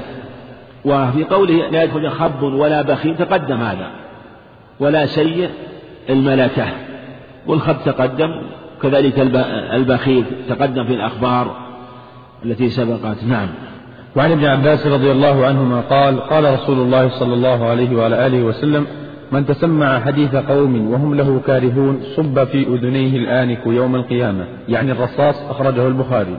نعم. وهذا الحديث فيه وعيد شديد في التجسس على كلام الآخرين.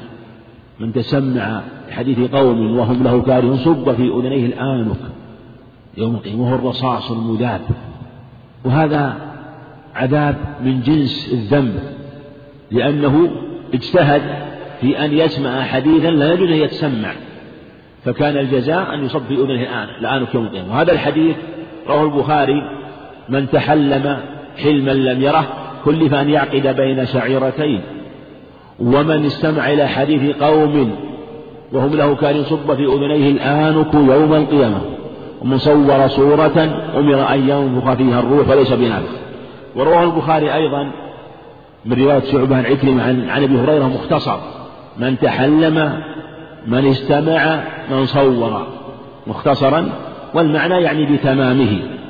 وهذا واضح فيما إذا كان إذا كان المتسارون ابتدأوا الحديث قبل حضوره ودخل عليهم أو ورد عليهم فلا يجوز أن يستمع له أما إذا كانوا سويا فلا يجوز أن ينفصلوا عنه بسر إلا أن يكون معهم غيره. ثالث كما تقدم في حديث مسعود قال حتى تختلطوا بالناس معناه في حديث ابن عمر قال حتى تختلطوا بالناس. وكذلك إذا كان التجسس إذا كان الاستماع لأجل درء شر ومفسدة مثل يجتمع قوم على مفسدة يخشى أن تفوت في فساد أو قتل أو اجتماع على شر. في هذه الحالة يكون استماع حديث من باب درء المفسدة. ومن ومن الاستماع المنهي عنه كونه يخادع الصغار والصبيان حتى يعلم أحوال أهليهم. هذا أيضا يدخل في هذا الحديث. ولو أن الإنسان خادع الصبيان الصغار حتى يخبروه بأحوال أهليهم هذا أيضا من الأمر المنكر الذي لا يجوز ومن وربما كان أقبح من استماع حديث القوم الذين يستمعون كارهون لأن الذين يستمع إليهم قد يحتاطون ويكونون قوما مدركين بالغين يفهمون. فربما لم ينل شيئا أو ربما لو أنه استمع هم يعلمون أنه لا مضرة عليهم في ذلك. لكن حينما يخادع الصغار قد يتكلم الصغير بأمور من خصوص الأسرار التي يستغلها هذا الظالم المعتدي فيشيع فيكون فيها من المفاسد أعظم من المفاسد التي تترتب على استماع أو التسمع لحديث قوم وهم له كارهون. وهذا من عظيم صيانة الشرع لأمور الناس وأحوالهم وأسرارهم. ولهذا إذا استأمن الإنسان إنسانا على حديث فلا يجوز أن يبوح به. كما وقع لجمع من الصحابة مع النبي عليه الصلاة والسلام في ما يسر به إليهم فلم يكونوا يتكلمون بذلك. بل يحفظون الأمانة. وفي حديث جابر إذا حدث الرجل فالتفت فهي أمانة. يعني إذا كان يلتفت ويتحدث ففيه إشارة إلى أنه يسره ويحفظه. وفي إشارة إلى أن من جاء وعلم أنه لا يريد أن يسمع فإن الواجب عليه يبتعد. لأن هذه إشارة بالفعل من جهة أنه يريد عدم الاستماع. إذ لو أراد أن يستمع إليه لا أشرك غيره إما بصريح الدعوة أو بالجهر به. نعم. وعن أنس رضي الله عنه قال قال رسول الله صلى الله عليه وعلى آله وسلم طوبى لمن شغله عيبه عن عيوب الناس. أخرجه البزار بإسناد حسن. وهذا من مما وقع الحافظ رحمه الله. وهو يقع له بعض الأشياء الاوهام في بعض الحكم. ولهذا قوله بإسناد حسن هذا فيه نظر. الصواب الحديث لا يصح بل هو ضعيف هو ضعيف جدا. من طريق رجل قال وليد مهلب وهو ضعيف أو ضعيف جدا. ولهذا هذا الخبر بهذا الطريق لا يصح. قول إخراجه بسند حسن إما أنه إن كان قلد غيره أو أنه رحمه الله. آه، وقت تصنيفه كان غفل عنه. أو لم يستحضر حاله فكان يملي من حفظه كما هو الظاهر من صنيعه في هذا الكتاب رحمه الله. كذلك من طريق رجل آخر أيضا والنضر بن محرز. فالحديث لا يصح بهذا لكن معناه صحيح. وذلك أن الواجب على الإنسان أن ينشغل بعيوبه عن عيوب غيره هل يصلح على حاله. لكن ليس معنى ذلك أنه لا ينكر منكر لأنه قد قد يوهم من عموم من عمومه أن الإنسان لا ينكر على غيره عيبا إذا كان فيه عيب فيصلح نفسه أول ثم يصلح غيره. لا ليس هذا مرادا. قال عن عيوب الناس. كأن هذا والله أعلم العيوب التي ربما قد تكون من الأمور التي لا تستنكر من جهة الشرع لكن يستعيبها الناس بينهم فيتكلمون بها أو أنه يتكلم شغله شغله الكلام مجرد كلام فلان يقول كذا وفلان يفعل كذا وهو في الحقيقة لا يمكن. وهذا أوجه ما أوجه ما يحمل عليها الحديث. بمعنى ولهذا من شغله عيب عن عيوب الناس. لأن الذي لا يشغله عيب عن عيوب الناس يتكلم فلان كذا وفلان فعل كذا وفلان قال كذا. وهذا مع أنه أمر محرم قد يؤدي إلى نميمة وقد يؤدي إلى غيبة أو هو نميمة أو غيبة. ومثل هذا فيه وعيد. لكن جزا الله فضيلة الشيخ خيرا على ما قدم وجعله في ميزان حسناته. والسلام عليكم ورحمة الله وبركاته.